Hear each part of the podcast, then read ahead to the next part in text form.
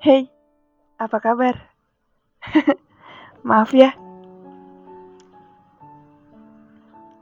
Setelah tiga bulan bersembunyi, akhirnya ada dorongan dari hati untuk kembali. Ternyata setia juga butuh usaha ya. Bahkan usahanya lebih sulit dari kita mengejar kebutuhan dunia. Sadar atau enggak, semakin menua seorang manusia, banyak impian yang berusaha diwujudkan. Tapi sayangnya, tubuh lebih nyaman dengan posisi rebahan. Ditambah fase sulit seperti ini, stres tingkat tinggi juga sangat memengaruhi.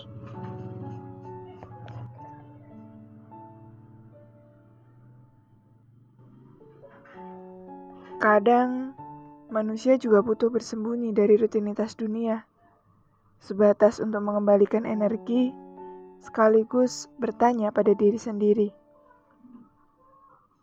apa ini benar untuk dilakukan, atau malah nantinya akan membunuh kebebasan.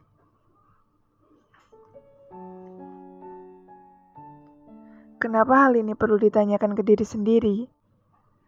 Karena manusia hidup di atas dua kaki dan kemauan orang lain harusnya tidak membebani.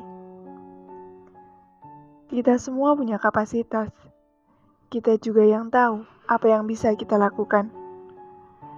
Jadi, jangan terbiasa bekerja untuk membuat orang lain puas. Sebab ini tentang kamu, bukan orang lain di sekitar yang bertumpu pada nafsu. Sukses juga butuh waktu dan kalau kamu merasa lelah dalam perjalanannya, sembunyi dulu. Biarkan orang lain melempar pertanyaan. Kamu cukup tutup telinga dan tetap tenang. Lagi pula, Tuhan tidak pernah bercanda tentang takdir umatnya. Sekarang, yang jadi masalahnya, kita lebih percaya siapa? Rute kehidupan dari Tuhan atau manusia lain yang diam-diam membuatmu tertekan.